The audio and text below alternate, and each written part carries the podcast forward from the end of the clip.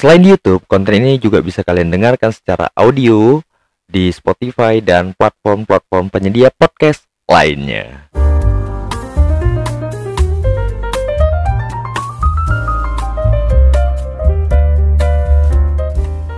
Ya, selamat datang di channel Yogi Sumarno bersama mas-mas netizen biasa. Mas-mas netizen biasa. Sini aku ceritain hadir setiap Senin sampai Jumat jam 8 malam dan kalian juga bisa dengarkan di Spotify dan platform podcast lainnya. Oke. Kalau gitu langsung aja kita masuk ke segmen pertama. Viral. Aduh, kok udah uh, di Instagram nih kenapa setiap caption itu ada kata viral dan titik tiga gitu ya tapi ini memang benar-benar viral sih Indonesia jadi sorotan karena aduh karena ada seorang uh, oknum ya yang mengunboxing sembarangan di sirkuit di uh, di sirkuit bah, bah, bah. di sirkuit Mandalika jadi uh, jelang World Superbike ya kan tim Aruba.it Ducati uh, motornya pembalap Michael Ruben Rinaldi itu di unboxing. Nggak di unboxing iya. Ya, seharusnya kan itu uh, uh, motor itu nggak boleh diapa-apain dulu ya. Karena juga yang boleh mengotak-ngatik itu atau hanya boleh boleh membuka itu ya montirnya montir lagi. Ya uh, timnya ya timnya yang boleh nggak boleh orang lain. Ini mungkin dia siapa gitu kabarnya untuk konten doang kabarnya. Anjing kali padahal itu kan rahasia ya kayak kayak gini. Kayak kalau kau main bola terus tuh masuk ke uh, kak ru, apa ruang ganti pemain lawan gitu. Sementara si si tim Ducati ini kan nggak tahu ini si, si orang ini siapa nih kok tiba-tiba. Mungkin dia pegawai Mandalika atau gimana atau staff dari Indonesia tapi ya malu-malu sih. Atau gitu. Kenapa sih? Memang sesuatu yang untuk pertama kali terjadi di Indonesia tuh selalu orang-orangnya jadi katro gitu ya. Ya jujur aja kalau aku juga waktu kalau aku juga kerja ada di sana dan aku nggak tahu apa-apa mungkin ya katro kayak dia juga. Jadi ya udahlah jangan terlalu menghujat. Kalau biasa ini kan memalukan Indonesia ya. Kita kompak kenapa sih? Kalau kayak gini jangan diviralkan gitu. Oh ini udah diam-diam aja. Uh, kalaupun diviralkan sama media-media house content ya udah kalian nggak usah komen gitu. Nggak usah kasih engagement malu kita. Udahlah. Cukup tahu aja nggak mungkin kalian nggak tahu kan tapi nggak usah komen gitu. Biar engagement nggak terlalu tinggi. Tahu lah netizen Indonesia kan militan ya. Apa aja kalau viral pasti jadi trending dunia. Serem bro serem. Malu kita ya kan? Tapi ngomong-ngomong masalah viral ya kan? Kemarin kayak ketinggian. Oke. Kurang kurang kurang beberapa minggu yang lalu kalau nggak salah ada tuh anak bayi yang lagi viral. Nggak anak bayi sih anak lah ya. Karena udah nggak bayi lagi kabarnya. Anak yang viral karena orang tuanya ngurus akte kelahiran uh, nggak bisa gitu. Karena namanya kepanjangan bisa sampai 19 kata gitu. Itu kejadian di Tuban beberapa minggu beberapa, beberapa minggu yang lalu uh, si orang tuanya ini ngasih nama pakai 19 kata dan nggak bisa dijadikan akte. Karena namanya itu panjang. Ini aku ya aku bacain ya. Karena aku nggak ingat juga bacain. Nama awalnya itu Rangga Madipa Sutrajiwa Kon Kordosega Akre As.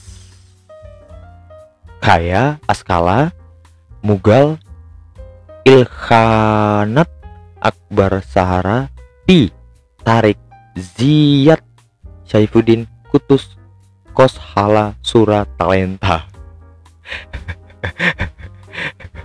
Jadi dia susah gitu ngurus ngurus akte kelahirannya. Bahkan ke ke disduk capil juga nggak nggak uh, gimana gitu susah lah. Karena emang panjang kan gimana nulisnya gitu bayangkan lah. Padahal uh, rencana padahal ketika ditanya sama orang tuanya ini panggilan si anak ini siapa? Dia bilang Kurdo kenapa nggak uh, namanya lebih pendek gitu? Kan Kurdo kan panggil nama ininya Ivan Cordoba kan keren pemain Inter. Uh, gitu. Terus tuh ternyata sekarang udah eh, dinegosiasi sama kepala dinas catatan sipil Tuban.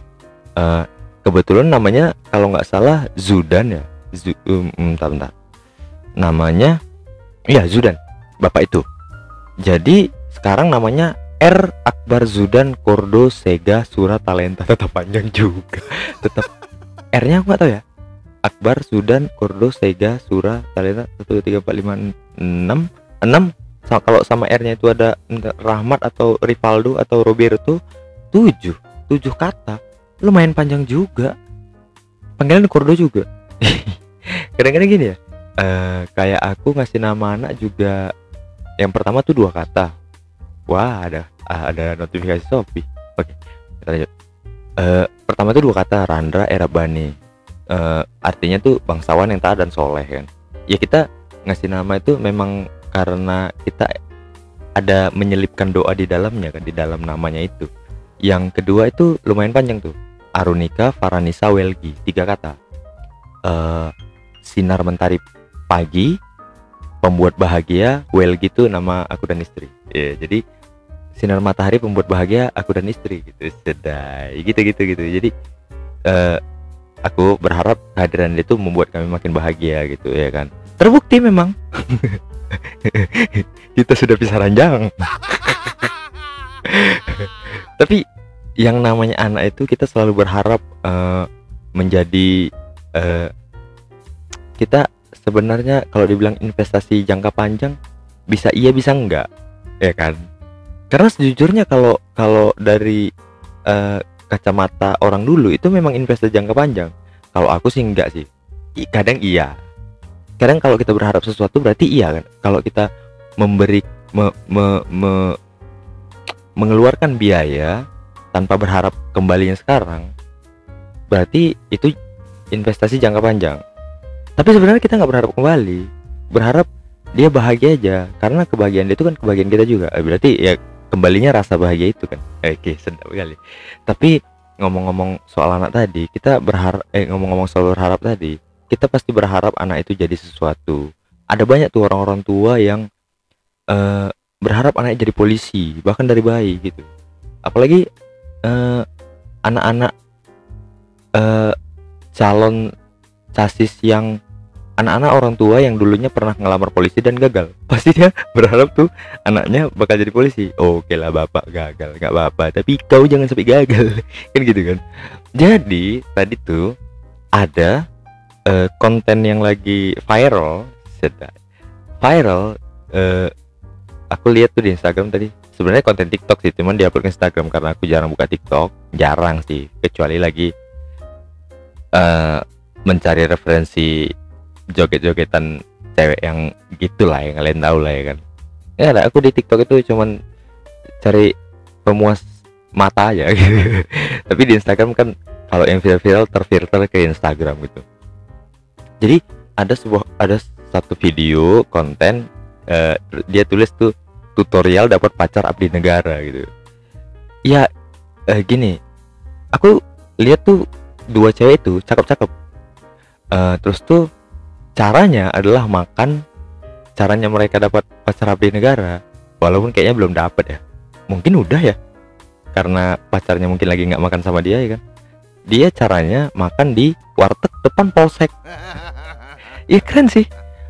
Dan dia memperlihatkan gitu video dia berdua lagi makan. Terus tuh di depan dia tuh para polisi-polisi itu lagi makan juga lagi sibuk sama makanannya masing-masing. Ya lumayan worth it sih. Tapi eh gini. Kalau aku jadi mbak-mbak itu yang cakepnya segitu kayaknya aku lebih milih cara jadi pacar Indra Kens anjing kaya kali tuh orang. Kaya kaya tuh orang. Anjing kali. Aduh. Atau jadi pacarnya eh siapa ya? Eh Korigor. Tuh kaya juga tuh. Siapa lagi? Yang kaya kaya yang masih muda tapi kaya. Agung Hapsah kali eh Chandra Liao ini kaya kaya tuh. Pokoknya eh yang jangan aparat gitu. Eh karena kan tanggung jawabnya besar. Karena eh, karena tanggung jawabnya besar kita harus punya jiwa yang besar juga gitu. Jadi ngomong-ngomong jiwa besar kita udah mengakhiri segmen pertama uh, dengan tutorial dapat pacar abdi negara tadi. Langsung aja kita masuk ke segmen kedua curhat pelacur kenapa lucu ya jahat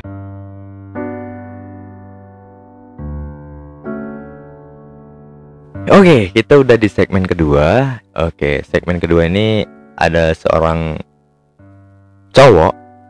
Katanya dia sih udah lama jadi penonton YouTube aku. Katanya dari uh, konten tutorial KineMaster dulu. Dia kemarin itu masih uh, eh, SD bahkan karena dia baru-baru main Mobile Legends. Sekarang dia udah SMA kelas 1.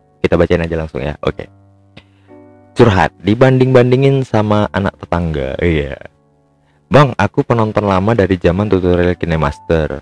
Aku kelas 10 SMA. Aku nggak paham sama mulut nyokap aku yang selalu jatuhkan mental aku dengan ngebanding-bandingi dengan anak tetangga yang jauh lebih berprestasi. Aku capek bang, gimana ya bang? Ya, gimana ya? Emang kayak gitu kenyataannya dunia ini. Kalau kau berharap dunia ini ideal, ya kayaknya ekspektasimu bakal terpatahkan karena kita memang hidup di dunia yang nggak ideal nggak ada ideal ideal sama kita. Karena uh, dunia ini berjalan dengan balance aja gitu. Kau pikir kenapa ada Miss Universe ada cewek satu dan cewek lain kita tahu semua cewek itu cantik. Kenapa harus ada Miss Universe yang yang juara satunya gitu dan yang lainnya nggak juara? Berarti itu uh, memang diselenggarakan untuk untuk jadi pembanding kan? Emang kau pikir kenapa ada kontes-kontes itu gitu? Ya kontes-kontes itu berawal dari tetangga dari emak-emak kau tadi. Kita semua pernah dibanding-banding santai aja gitu santai aja. Gini lah kalau kau nggak punya prestasi lebih tunjukkan kalau kau bisa berprestasi di satu bidang aja kau nggak perlu jago di semua bidang gitu kau hanya perlu ahli di satu bidang yang sangat kau kuasai. Aku yakin kau pasti uh, mencuat ke permukaan gitu. Gitu ya. Kalau kalau menghadapinya yang uh, kegalauanmu itu, sebenarnya itu bukan masalah kau. Kau dibanding-bandingkan itu bukan masalahmu. Masalah itu orang tuamu. Kalau dia masih ngebanding-bandingin kau, berarti kan hati dia yang yang salah gitu menilai kau gitu. Uh, atau jadikan itu motivasi untuk jadi lebih baik lagi di bidangmu gitu. Gini dah kalau kau ngerasa kau sakit hati gini aja. Ku analogikan aja ya ya. Misalnya nih kau megang satu gelas garam garam kan asin ya? Nah di sana ada kolam renang dan satu gelas air putih. Oke. Kalau satu sendok ini kau masukkan ke uh, satu gelas air putih airnya kan asin kali tuh. Bahkan nggak bisa diminum saking asinnya kan? Uh, terus itu kalau satu gelas satu sendok garam tadi kau masukkan ke kolam renang airnya nggak bakal asin. Nah itu dia jadikan hatimu seluas kolam renang tadi jadi masalah-masalah se sekecil satu sendok garam tadi itu nggak kerasa gitu gitu besarkan hatimu gitu besarkan Iya, hatimu.